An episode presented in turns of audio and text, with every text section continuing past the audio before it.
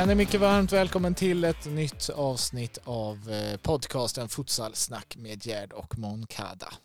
Och även idag så har vi eh, våran nya favoritkompis Patrik Persson med oss. Eh, Andres, han jobbar stenhårt uppe i gruvan i Jokkmokk just nu med dagar som är otroligt långa. Han kör från eh, sex på morgonen till tio på kvällen och då finns det såklart ingen tid för eh, att spela in eh, futsalsnack just nu. Men då har vi en, en mycket kär gäst som ersättare återigen och vi hälsar Patrik Persson varmt välkommen tillbaka igen. Tack, tack. Jag vet inte ifall han bara jobbar. Jag tycker att han hänger mycket på gymmet nu också om man ja, följer hans sociala medier. Ja, i alla fall på helgerna. Vi, vi, får väl kolla nu under, under kvällen här ifall han eh, ljuger och istället drar och gymmar och säger att han jobbar. Att det, han att kanske, han kanske lunchtränar. Det är ju en det... eloge ifall, ifall man hade den karaktären. Jag undrar om de har något gym där nere i gruvan. Eh, ja, eh, vi, vi ska ju ta ett grepp om eh, det senaste som alltid. Eh, men först och främst så måste jag fråga hur är läget med dig idag? Det är bra. Det är, jag satt här och eh, berättade för min son precis att vi är inne i den mörkaste perioden nu på året. Mm. Den här, eh, det är ju en vecka kvar till vintersolståndet så att de två kommande veckorna nu är de två mörkaste på hela året. Så att ja, sen går vi mot ljusare tider. Det, det är väl en tanke som är lite skön att tänka. Ja men det är väl, vad är det, 21 december som är mörkaste dagen eller? Ja, 21, 22 däromkring. Ja, så att snart vänder det. Snart vänder det. Fan vad gött. Mm. Ja, men eh, vi ska inte prata om vädret idag utan eh, det ska ju som vanligt handla om futsal. Eh, och eh, vi ska börja med att ta ett litet grepp om SFL som spelades i helgen. Så att vi kan väl göra så att eh, jag eh, jag tar igenom resultaten som var och så kan vi ta ett, en liten sammanfattning av det därefter. Det var ju omgång åtta i Svenska futsalligan som spelades den här helgen. Eh, även om eh, det tidigare har spelats fram till och med omgång 13 så är det här alltså en uppskjuten omgång sedan tidigare. Den började under fredagen med Norrköping mot ÖFC. Gästerna vann med 5-3. Under lördagen fortsätter den med IFK Uddevalla Skoftebyn 4-3. IFK Göteborg Futsal Borås AIK 2-2. Liberta Hammarby 3-8 och sen under söndagen spelade ÖSK mot Torslanda och vann med 5-1 innan eh, helgens största målfyrverkeri kom i Eskilstuna där AFC vann mot eh, rivalen Strängnäs med 11-10. Eh, vi, kan väl, vi kan väl börja där egentligen. 11-10. Vad, mm. vad säger du om det resultatet? Ja, jag kommer ihåg vad kommentatorerna sa efter matchen. De sa det här var en match som hade allt. Och då tänker jag, ja, utan bra försvarsspel. ja, precis. Men det var ju väldigt eh, rafflande slutminuter. Väldigt många fina individuella prestationer och väldigt många som hade löd i dojorna. Ja, de var sugna på att eh, gå åt ena hållet i alla fall får man väl säga. Ja, sen är det väldigt många som vet hur man sätter bollen i mål. Du har ju eh, Abassi och sen så har du han eh, Sosse och Kaplan i Strängnäs och sen så gjorde Donat Gashi ett fint chipmål och ja, det är väldigt, väldigt många fina bollspelare och när jag, när jag sitter och tänker på det här, som eh, visst vi kan sitta och kritisera att försvarsspelet är dåligt och sådär, men eh, det är väldigt många som har tagit till sig futsaltekniken som eh, eh jobbar med eh, rätt fotnedsättningar som skyddar bollen, och tar emot bollen med, med sula, sätta ner eh, stöd i benet på andra sidan, som gör eh, skeden. Många i, i eh, både Strängnäs och i eh, Eskilstuna, dels använder de skeden sen när de passar, parallella passningar, men de är också så här finurliga att de, de eh, använder skeden för att chippa fram bollen till sig själv. Är du med på lite grann hur jag menar då? Ja, du får gärna utveckla. eh, ja, skeden då gör man så här, man kan säga att man eh, gör en, eh, man föser bollen i luften och oftast så har du en vinning när du gör det för att motståndaren de täcker ofta passningar efter marken så här instinktivt sträcker ut eh, eh benet och täcker. Men om du då gör det i luften så, så går passningen oftare fram.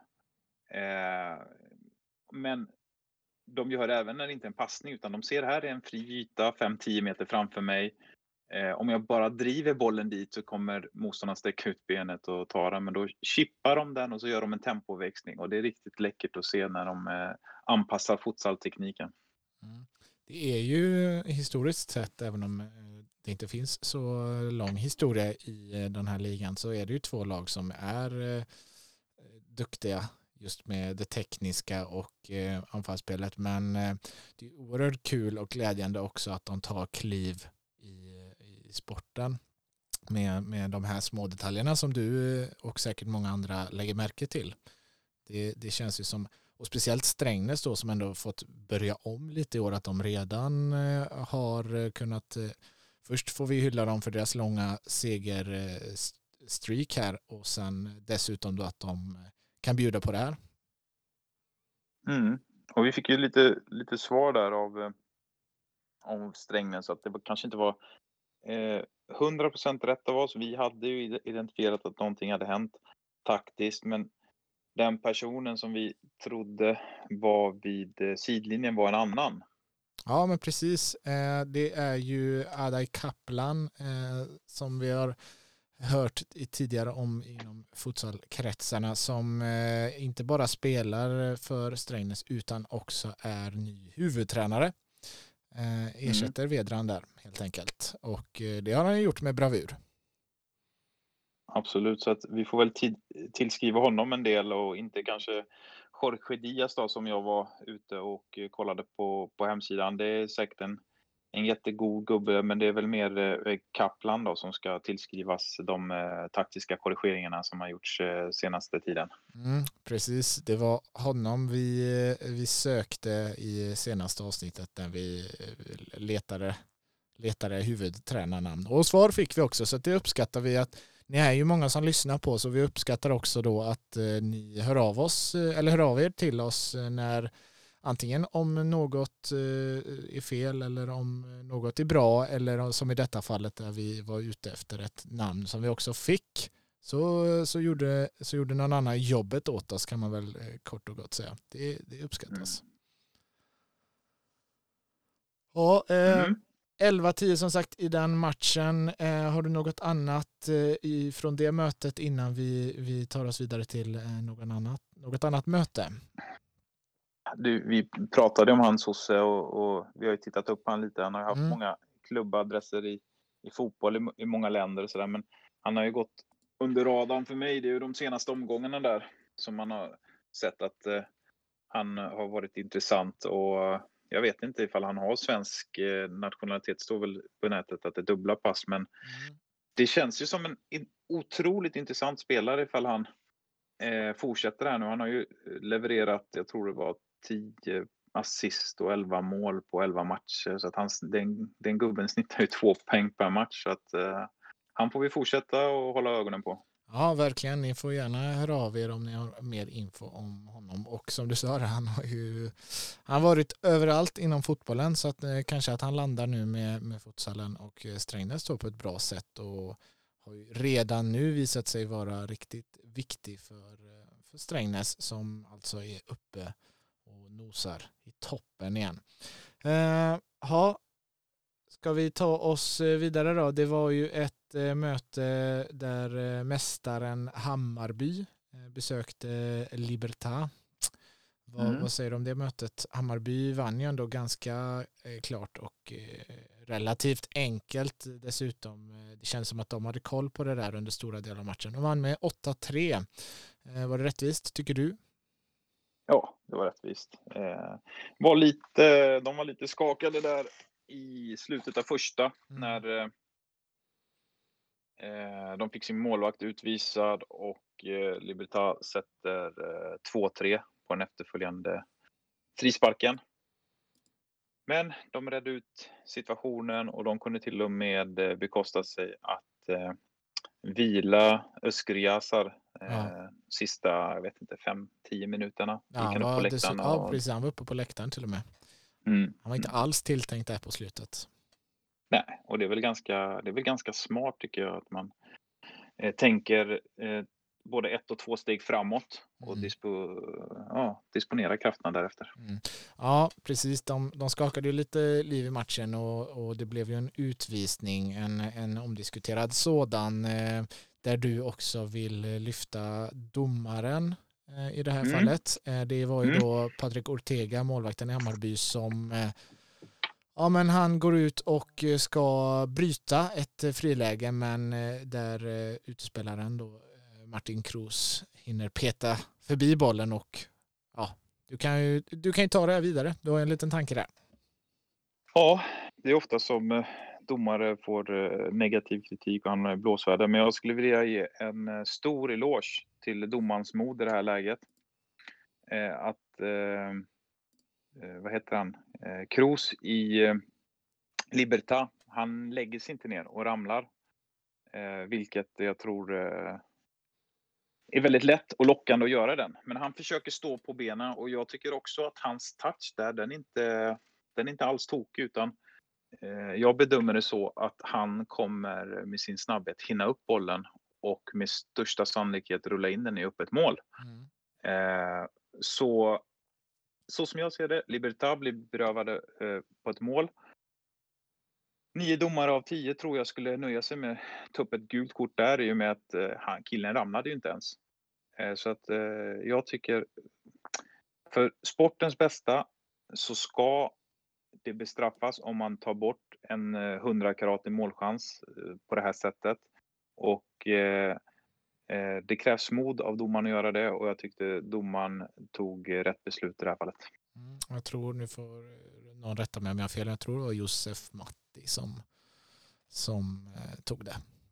Eh, så eloge ja. till, till honom då helt enkelt från, från dig. Eh, jag tyckte det var eh, utan att då ta fäste vid eh, regelboken som man såklart ska göra så var ändå min spontana tanke att shit, eh, vad, vad blir det av det här? Det, det, det är som du säger att det kanske hade varit lättare att ta upp det gula kortet i och med att han inte ramlar.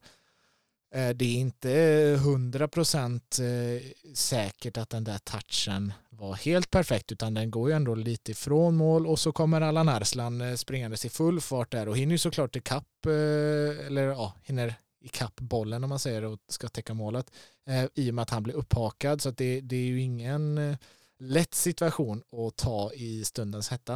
Eh, men eh, ja, är det ett friläge och ett såklart mål så är det klart att han gör rätt och då är det verkligen en, en som du säger, stor eloge för att han vågar ta det eh, där och då. Det skickar, det skickar bra signaler också till, till sporten att titta här, du behöver inte slänga dig, du behöver inte filma. Eh, har du blivit utsatt för ett regelbrott så kommer eh, domarna skipa rättvisan ändå. Mm. Eh, så att jag tror att det är ett perfekt exempel på hur vi kan nå en eh, renare sport. Och passa på att lyfta då Martin Kroos där också som inte kastar sig all världens väg i, i det läget. Som du säger så är det klart att det, det lockar ju. Mm. Mm. Alldeles säkert. Jag får väl hoppas att det var så att det inte var att han eh, inte fick möjlighet att kasta sig eller något sånt där. Eh, men vi väljer att se det, det fina i det hela. Eh, ja. Och det var många bra, många bra beslut där. Men det blev i alla fall en ganska så komfortabel, komfortabel seger där för Hammarby. I andra halvlek så var det egentligen aldrig något snack om saken. Det kändes inte som Libertad kunde ta sig förbi eh, Hammarby spelare överhuvudtaget. Eh, de kom upp till några lägen mot slutet, kunde börja skaka fram ett par lägen, men det kändes som det var för sent när de, när de började ta sig förbi. Mm, mm. Eh, Hammarby är ju längre fram i processen, ett par år längre fram och eh, de har lärt sig längs vägens gång. Ehm, det som jag ändå tycker är bra med Libertad är att de eh, testar jokerspel mycket. Och eh, det blir eh, bättre och bättre på många sätt och vis. Ehm, de hade inte alls lika stor felprocent nu när de startade jokerspelet och, det kanske man, det är learning by doing lite grann. Så nu Hammarby lyckades inte ta bollen en enda gång från Libertad i uppspelsfasen utan de etablerade spel varenda gång de försökte på jokerspel. Och eh, är det nu så att eh, du ändå ska förlora, ja, varför inte träna lite jokerspel då? För sen mm. kommer det matcher där eh, du är piskad att vinna och du ligger under med ett mål och det är jämnt. Och då kommer du ha det här uh, innestående tryggheten i att vänta, vi har, vi har uh, lagt ner 5, 10, 15 minuter på det här tidigare under säsongen. Vi mm. vet hur man gör. Så att jag tycker det är smart drag av Libertad att uh, pröva jokerspel. Precis, det, som du säger så är det väl annars när det är knivskarpt läge man tänker att just nu ska vi dra fram det som vi kanske bara har tränat på och inte, inte haft i, i matchspel innan. Eh, ja, vi fick ju också svar på en eh, sak som jag var inne på förra veckan. Vi pratade om Imer Bekiri. Eh, nyckelspelare mm. var avstängd nu i och för sig han blev intervjuad i paus där. Det, det, är också något jag vill passa på att hylla. Fan vad snälla vi är nu. Eh, kommentatorn eh, för eh, Libertad, han ställer frågan, det är ju ändå klubbens eh, kommentator, ställer ändå frågor som man faktiskt vill veta och inte bara det här klassiska att vad tycker du om matchen och vad, vad, vad ska man göra för att vända det här i andra halvlek. Utan han frågar också rakt ut, eh, kommer du spela för klubben hela säsongen i och med att han har skrivit på för en fotbollsklubb eh, lite högre upp. Och eh, svaret var att han eh, kommer köra hela säsongen med Libertad och det är ju oerhört skönt och viktigt för dem. En riktigt viktig spelare, Imer Bekiri. Mm. Jag tror att det var så att han sa det. Att, visst, jag kan gå till den här klubben, men jag kommer spela med mina barndomsvänner i SFL, högsta mm. ligan i Sverige, futsal. Köper ni det kommer jag, köper ni inte det så har jag andra erbjudanden. Eh, jag tror att eh, det var så mm. eh, det gick till, mm. inbillar jag mig. Ja men det gläder ju ändå oss futsalföljare att, att man kan prioritera futsalen. För det är klart att mm. jag har ju läst mycket om Libertad och de är ju också en nykomling. De, de kämpar med ekonomin såklart som många andra klubbar. Det, det kommer inga in, intäkter på publik.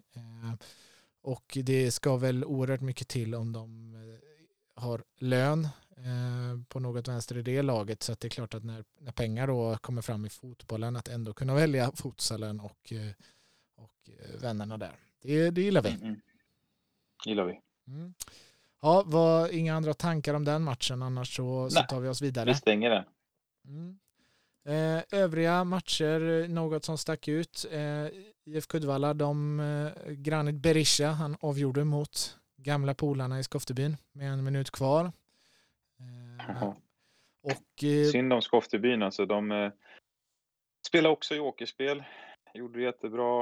Eh, Christer Andersson hittade som en smörkniv genom varmt smör till deras brasse på bortre stolpen två gånger i rad. Ja, det var oerhört lika de målen. Ja, det var ett karbonpapper emellan. Och sen så får de ändå inte med sig någon poäng för att Uddevalla, jag vet inte vad det är, sista minuten de gör ja, 4-3 eller? Jajamän, en minut kvar tror jag det var. Mm. Nej, surt. Så, mm, otro, otroligt surt att först eh, hämta upp och sen så dras eh, mattan undan benen. Mm. Ja, kämpa Skoftebyn. Ja, samtidigt Uddevalla, det är otroligt sköna vinster. Sån där vinst är ju bra mycket skönare än att vinna med 8-3. Eh, liksom att du kommer därifrån med tre poäng när det har varit så tajt. Det mm. finns ju ingen godare känsla än att sitta i omklädningsrummet efter en sån eh, trepoängare. Nej, och snyggt mål också om man vill hylla lite mål från eh, Granit Berisha där, som placerar in den eh, fint. Jag vet inte om det var det avgörande målet eller hans första mål. Eh, men det var ett, eh, ett riktigt vackert mål. Mm. Ja, IFK Göteborg, Borås AIK 2-2. Någon kommentar därifrån? Ja, lite grann det vi var inne på förra veckan här. Att det är tufft för Göteborg. de får inte ut varje spelares kapacitet i helheten. Samtidigt som jag tycker att Borås ryckte upp sig. Jag såg bra taktiska direktiv. Mm. Och jag tror att det var Martin Najafi som stod med dirigentpinnen där vid sidlinjen och styrde upp det. Mm. Och jag tror att eh, han har ju varit iväg på en och annan landslagssamling och, och skaffat sig information där. Och, eh, nu så verkar det som att det applicerade sig på spelarna och laget. Och jag tror att han gör mer nytta när han står där än ja, när han, är på plan. Han, är det väl Martin som har eh, lett Borås eh, den här säsongen va? så här långt? Eh, ja, nu har Plus... de ju gjort klart med en, en tränare men det är väl kanske främst för att de, han snart är tillbaka har han ju hälsat. Ja, okej. Okay. Eh, jag har ändå fått liksom bilden av att eh, eller jag tycker att han var mer framträdande och mer aktiv i sin coachning mm. nu. Mm. Tidigare så har jag känt att okej, okay, han, han har funnits med, sett han på bänken många matcher, inte alla matcher, men många matcher nere vid sidlinjen och liksom eh, okej, okay, jag är skadad, jag kan inte vara med och spela, men jag, jag ska hjälpa till lite ändå. Ja. Men från att gå från att hjälpa till lite ändå så tog han på sig nu den eh, rosa ledartröjan och gick in och pekade med, med hela handen och eh, coachade dem när de kom ut. Varje byte berättade vad de ska göra, låg steget före tanken. Vi ska bemöta Göteborg så här och eh, det resulterade i en fin 2-2 poäng på bortaplan. Och det är väl så man ska utnyttja eh, den kompetensen. Som du säger, han är en av eh, få som har gjort många eh, landslagssamlingar på senare tid. Och där har vi ju hört fler än en gång att man tar med sig mycket därifrån när man är där. Man lär sig mycket av vår kära Mattia och hans sätt att spela futsal. Ja, eh, det var den omgången, alltså omgång åtta står det. För... Eh, en, en match glömde du va? Norrköping, Örebro Futsal Club. Yes, ja vi har eh, egentligen också ÖSK och Torslanda. Torslanda där. Ja. Vi kan ta lite snabbt om dem då. Kör. Ja. Vi pratade ju förra veckan här att Norrköpings säsong, den kommer definieras av eh, ifall de vinner eller förlorar tajta matcher. Kommer du ihåg att vi pratade om det? Att de hade många uddamålsförluster mm. och även någon uddamålsvinst. Yes. De leder den här matchen med bara minuter kvar eh, mot eh, Örebro Futsal med 3-2. Men tappar den till eh, 5-3. Eh, så det, det, är precis de här matcherna som, eh, som kommer definiera Norrköpings säsong och den här gången fick de emot sig den och ja, vi hoppas att eh, eh, de inte gör det till en, vad ska vi säga, en eh, regel utan att de även får knyta ihop säcken för eh, klubbens eh, eget bästa om vi uttrycker oss så. Då. Mm. Johan eh, Rockström som vi var inne på, eh, ett riktigt fint frisparksmål, gör två mål, återigen viktig. Eh, sen visade det sig att släkten är värst. Ignatius Malki gör två ja. mål. Ja. Nej. För de som inte är uppdaterade, han har ju varit eh, i Norrköping, han var väl också i Linköping. Eh, otroligt eh, duktig spelare mot en som har en utväxling alltså från stillastående till full fart som få andra i, i eh, SFL. Så att eh, ja, det ska bli spännande att följa vad han kan uträtta i ÖFC. Mm, och var ju inne och stöttade upp Strängnäs eh, i fjol också. Bra där. Nu är han utlånad, om man kan kalla det så, från Ektorp. De spelar ju inga matcher i division 1, så att då, då hjälper han ÖFC tills vidare. Ja, sista mm. matchen var ju alltså ÖSK mot Torslanda. ÖSK, mm. ja, de gjorde det de skulle helt enkelt. Utan Adnan Kirak. Utan går de Adnan till, Kirak, ja. ja. Går de till eh, halvtidsvila med 5-0 eh, och eh, Torslanda byter in en annan målvakt som får hålla nollan i andra halvlek. Så Torslanda vinner andra halvlek med 1-0. Men det är väl någon form av styrkebesked att, ÖSK kan städa av en första halvlek utan Adnan Shirak med 5-0 i SFL. Mm. Ja, men då har vi fått det bekräftat också så vi kan bocka av på listan att ÖSK kan göra mål utan honom. Mm -mm. Definitivt. Ja, Nej, men de, de tog det i mål eh, ganska så snabbt och eh, hänger med där i toppen. Du har ändå tippat dem nu som eh, slutsegrare av grundserien. Så vi får se. Fortsätter de så här så ser det bra ut. Ditt tips på Hammarby såg ju också riktigt bra ut den här veckan. Så, det är sant. Ja, vi, har, sant. vi har inte gjort bort oss än i alla fall. Nej, inte än. Det kommer. Det kommer. Mm, garanterat.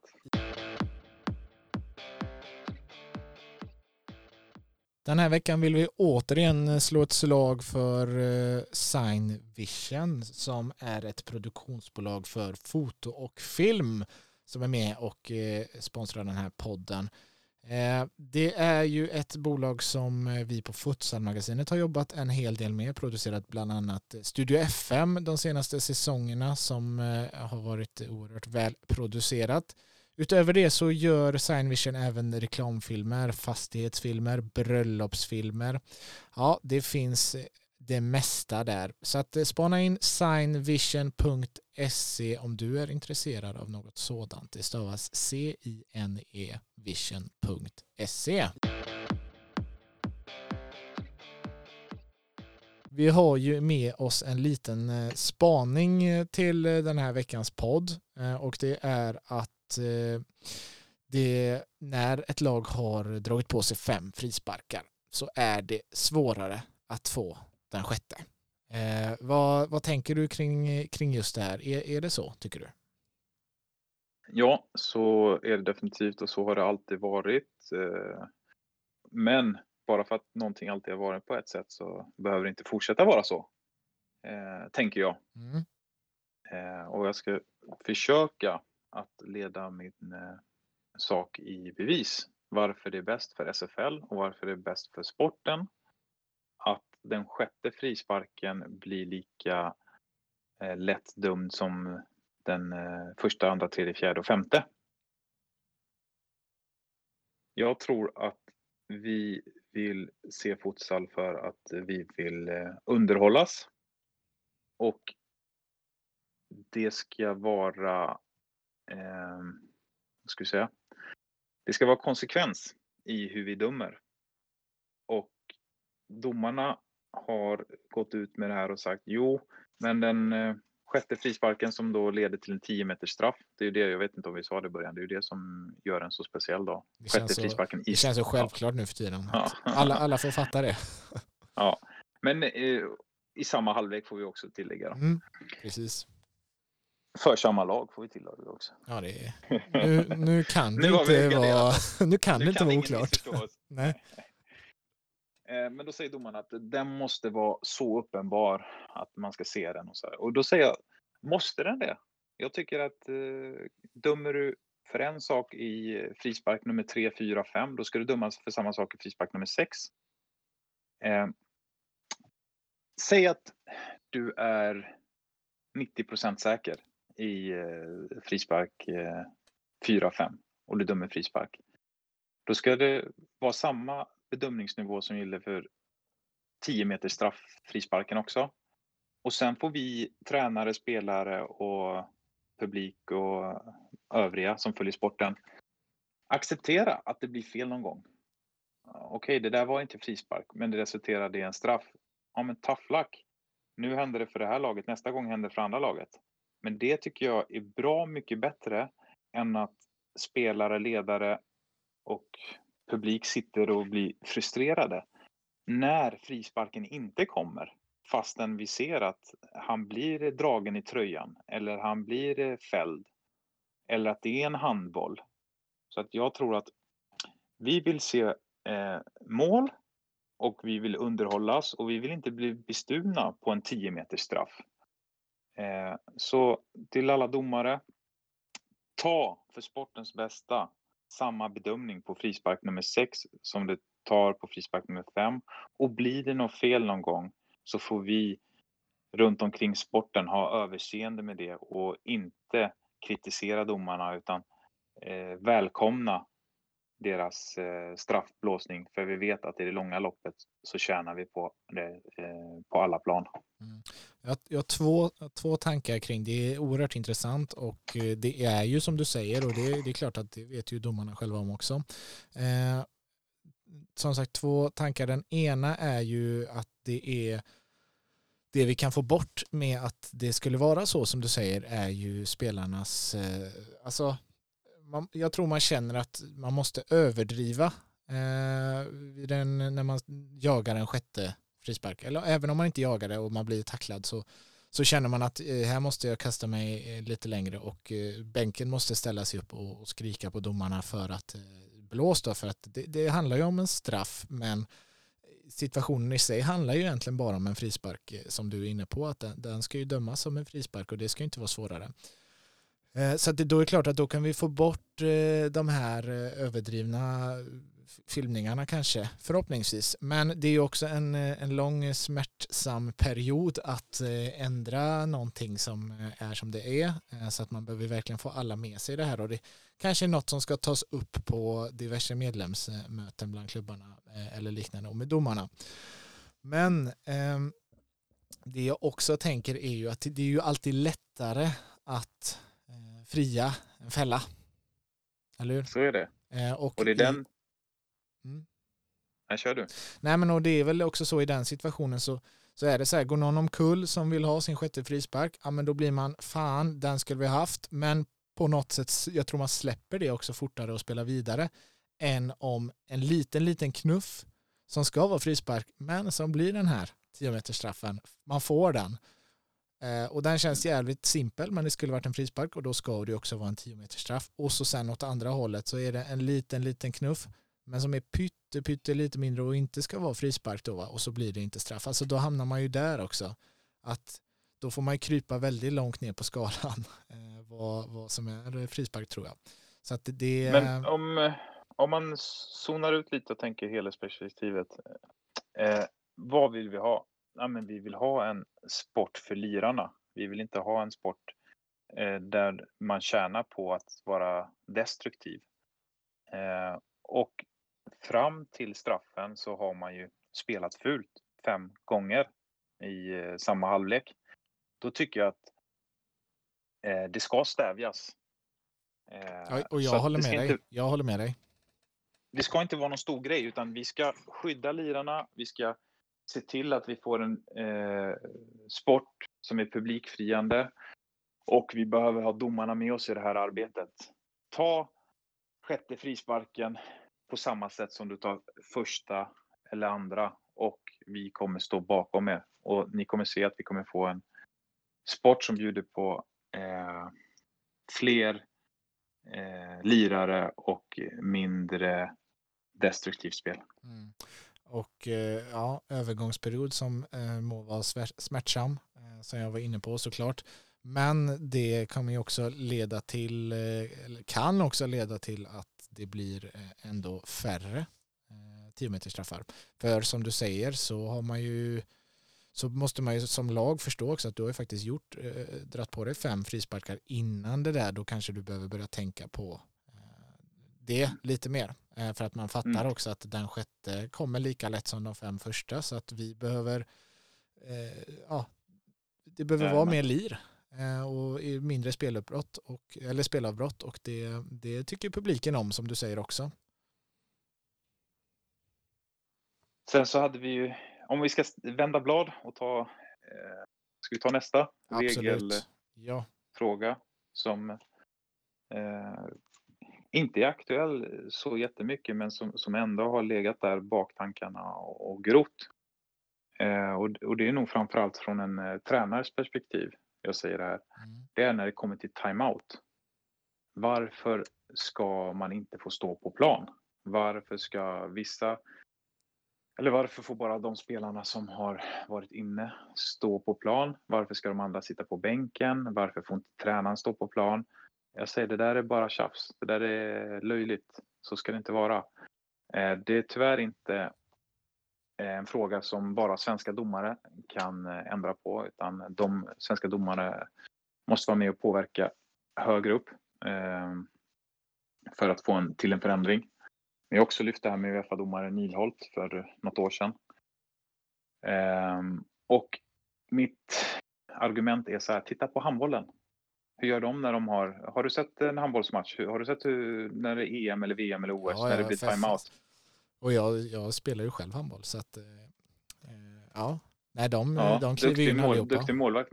Ja, precis. De, de, de kliver in allihopa. Eh, de får en cirkel, det kommer dit någon och gör en mikrofondipp ovanför för Jajamän. att fånga upp det. Va? Ja. Och tränaren har inget problem att, att få ut sin kommunikation för att han har ögonkontakt med alla, de står där. Mm. Eh, han kan eh, säga vad han vill till vilken person och eh, sen så kör de eh, en high five och alla går och sätter sig, ungefär sådär. Mm. I futsal, nej men då, då måste du liksom eh, stå innanför linjen. Spelarna som är på plan måste ställa sig där. Och, då ska du liksom ur ingen vinkel alls nå spelaren längst borta på bänken med blicken. Samtidigt som du ska nå eh, spelaren som eh, står eh, längst till höger om dig på plan. Och eh, det blir inte alls lätt Nej, alltså, det. Och, och, i slutändan, och, och i slutändan leder det till att tränaren får inte lika lätt fram den taktiska instruktionen den vill till laget. De kan inte omsätta hans tankar till handling. Och vilka förlorar på det? Jo, det förlorar publiken på. Det förlorar sporten på. Det blir inte lika attraktivt. Det blir inte lika underhållande. Det blir inte lika bra produkt som helhet. Eh, men då kommer domarnas argument. Jo, men anledningen att det bara är fem som står på plan, det är att ifall någon gör någonting så måste vi veta ifall det ska vara gult kort eller rött kort. Ja, så jag, okej, jag förstår hur ni menar. Alltså ifall någon skulle säga eh, dra åt helvete till eh, domaren, då är det rött kort och eh, en man mindre ifall det var en spelare som var inne på planen, timeouten tog som sa det. Medan om en spelare som sitter på bänken säger det så är det bara rött kort men inte eh, två minuter eh, boxplay. Mm. Ja, precis. Men då säger jag så här, jag har varit eh, coach över 100 matcher i futsal. Jag har aldrig varit med om att någon har blivit utvisad eller varnad i en timeout. Nej. Så det är inget stort problem. Och säg att det skulle hända. Säg att någon eh, inte skulle kunna lägga band på sina känslor och dra på sig en utvisning. Ja, men skriv om regeln då. Säg att det blir eh, powerplay eh, Oavsett. oavsett. om man var på plan eller inte. Ja. Så, så kommer vi runt det. Precis Så som det vi- är i handboll. Egentligen. Alltså det är så, ja, okej. ja. Så varför kan vi inte lära oss från en annan sport? Hur gör vi för att få det? Och tänk också när vi kommer mediaproduktion. Alla matcher sänds på appen. Eh, många går på Eurosport nu. Det blir en mycket bättre produktion om vi kan eh, använda timeout-momenten eh, på samma sätt som handbollen gör. Ja. Nej, det känns ju precis som du säger. Alltså det, en timeout är ju för, det blir ju bara för de, de på planen och de som hamnar närmast på bänken. Är oerhört exkluderande för bänkspelare 5, 6, 7. Mm. Som, som får stå en bit bort. Eh, och jag tycker den känns oerhört onödig. Det var ju lite så här regelförändringar som kom bland annat med färg på målvaktsskydd och så vidare. Det känns så jäkla onödigt. Det känns så, som att det finns så mycket viktigare saker att eh, titta på än eh, hur man ska stå på timeout och vilken färg det ska vara på skydd. Ehm. Mm. Och de som är tränare vet liksom att man får stå halvt på knä, halvt felvänd, halvt rättvänd och eh, hålla i taktik. Alltså det, varför ska vi hålla på och slå dubbelknut på oss vid sidlinjen? Kliv ut två meter på plan, samlas i en cirkel, säg det du vill ha sagt och kör. Men det är ju samma med vad, varför, det kan du säkert svara på som tränare då, vad västarna som bänkspelare har för syfte. Egentligen. Eh, ja, där, men där tycker jag ändå liksom att det finns en bra grundtanke. Mm. Ja, ja. ingen ska springa in för tidigt. Eh, därför så ska man lämna över en väst. Eh, och det, det tror jag har hjälpt sporten i att komma ifrån det här fusket att eh, man gör hockeybyten, liksom att någon hoppar in för tidigt och den andra inte på plan och sådär. Mm. eh, men var det det du tänkte på eller var det att vä- västen inte bara skulle sitta över huvudet eller sitta över axlarna eller vad var det du tänkte på? Nej, västens eh, existens överhuvudtaget eh, under match. Så att det, det var det du Mm. svarade på. Men, eh, och där kan jag också koppla då återigen till handboll att det är ju ja, men dels finns det ju till och med en, en tredje domare eh, i futsal mm. som står eh, mellan lagen hela tiden och sen finns det också ett sekretariat eh, och kopplar man det just till handboll så är det ju eh, sekretariatets uppgift att kolla så att man byter rätt och annars så straffas det med en eh, två minuters utvisning. Jag vet inte hur man kan göra det just här men då fyller väl västen sin funktion i alla fall, även om den känns eh, lite smått onödig. Att hålla på och trä, mm. trä på den och ta av den hela tiden. Ja, jag håller med. Det, vi, ja, jag får fundera lite mer på det, men kan man göra så i handboll, då borde man väl kunna göra det i futsal. Jag funderar på ifall det finns någon eh, faktor där, att det är många fler byten i handboll än vad det är i futsal. Om det har med att eh, det är svårare att avgöra vem som deltar i spelet i den ena sporten eller den andra eller att några står upp i den ena sporten och eh, inte den andra. Jag vet inte riktigt mm. faktorer som styr det men det är absolut en intressant eh, tanke. Och allting som gör att vi kan höja produkten futsal till ett bättre värde är ju värt att, att vrida och vända på. Ja. Nu chansar jag hej vilt men är det inte på något, är det inte internationellt eller i Champions League eller något sånt där som man inte behöver ha väst på bänken? Nu kan jag vara ute och cykla. Uh, du är nog utcyklad där. Ja. Jag har ju varit med i både Champions League och landslag och man har varit tvungen att ha väst i båda sammanhangen. Ja, nej, då, då tar jag tillbaka det illa kvickt. Eh, men eh, om vi återgår till timeouten där så tycker jag ju också att det är det känns jävla onödigt för domarna att behöva stå och hålla koll på det där också. Det, det känns som det är timeouter hela tiden så ska domarna kliva runt, kolla lite hur eh, de där fötterna på andra sidan där ringen, du ska stå utanför och du ska stå innanför. Glöm inte det grabbar. Eh, det, det jag, tror, jag, tror inte, jag tror inte domarna heller vill göra det. Nej. jag tror domarna vill liksom det måste ju vara eh, ha en mänsklig del. Ja, de vill inte ta den eh, biten egentligen, utan de vill ju ha en en liksom rak och ärlig dialog. Typ eh, coach A, nu är du eh, lite för hetsk. Var snäll och, och, lugna ner dig. Jag vill behålla det här på bänken. Eh, och eh, coach B, eh, håll koll på dina killar nu för eh, lagkapten börjar tappa humöret. Mm. Alltså man, man vill ju ge de vill ju vara där för att hjälpa till för att få flyt på matchen. De vill ju inte gå runt och vara några eh, klädfascister. Nej. Nej. Nej men precis och det känns ju som att det är också ett enkelt eh, sätt att eh, slippa lite irritation. Alltså det, du kan ju redan där skapa irritation hos en spelare eller ledare gentemot domaren. Bara men snälla om jag står fem centimeter hit eller dit samtidigt som domaren bara gör sitt jobb egentligen. Att det är ju mm. tyvärr så reglerna är, eh, är där. Men, ja. Du, nu kommer jag på en rolig grej som jag ska dela med mig av. Yes. Jag, var ju, eh, jag var ju tränare för Guys för länge sedan mm. och så mötte vi eh, Malmö eh, med Robin Armant i mål. Ja. Och vi hade dem i ett järngrepp. Alltså jag har ju aldrig sett en, en målvakt göra en sån bra match som han gjorde där i, i Lisebergshallen. Och jag tror att typ de ledde med 1-0 i slutet av första. De hade inte med sig eh, full bänk heller medan vi hade full bänk och jättemånga duktiga så att vi höll ju på att mala ner dem. Liksom. Ja, då tar Malmö en timeout. Och precis innan timeouten är slut så är det en stor vattenpöl på golvet utanför deras, eh, utanför deras sidlinje. Yeah. Och jag, jag fattar inte, alltså typ en timeout ska vara en minut, nu blev den två minuter. Och sen så när jag tittar igenom matchen igen, vi har filmat matchen, då ser jag att han har skruvat av korken, tittar åt ett annat håll och lite så här smooth, snyggt sparkar ut flaskan precis innan han går ut på planen igen. Och sen säger en av, ja, och sen säger en av hans spelare, eh, domaren, domaren, det är vatten på plan. Ah. Där och då tänkte jag så här, fan, jag kan inte bli arg för det här, för det här är ju liksom, okej, okay, det, det är emot reglerna, men, men han, tar, han tar det till en ny nivå. Han tar det liksom Eh, på ett, han, han tänker utanför boxen eller om han har tagit det här från någon annan och sådär va.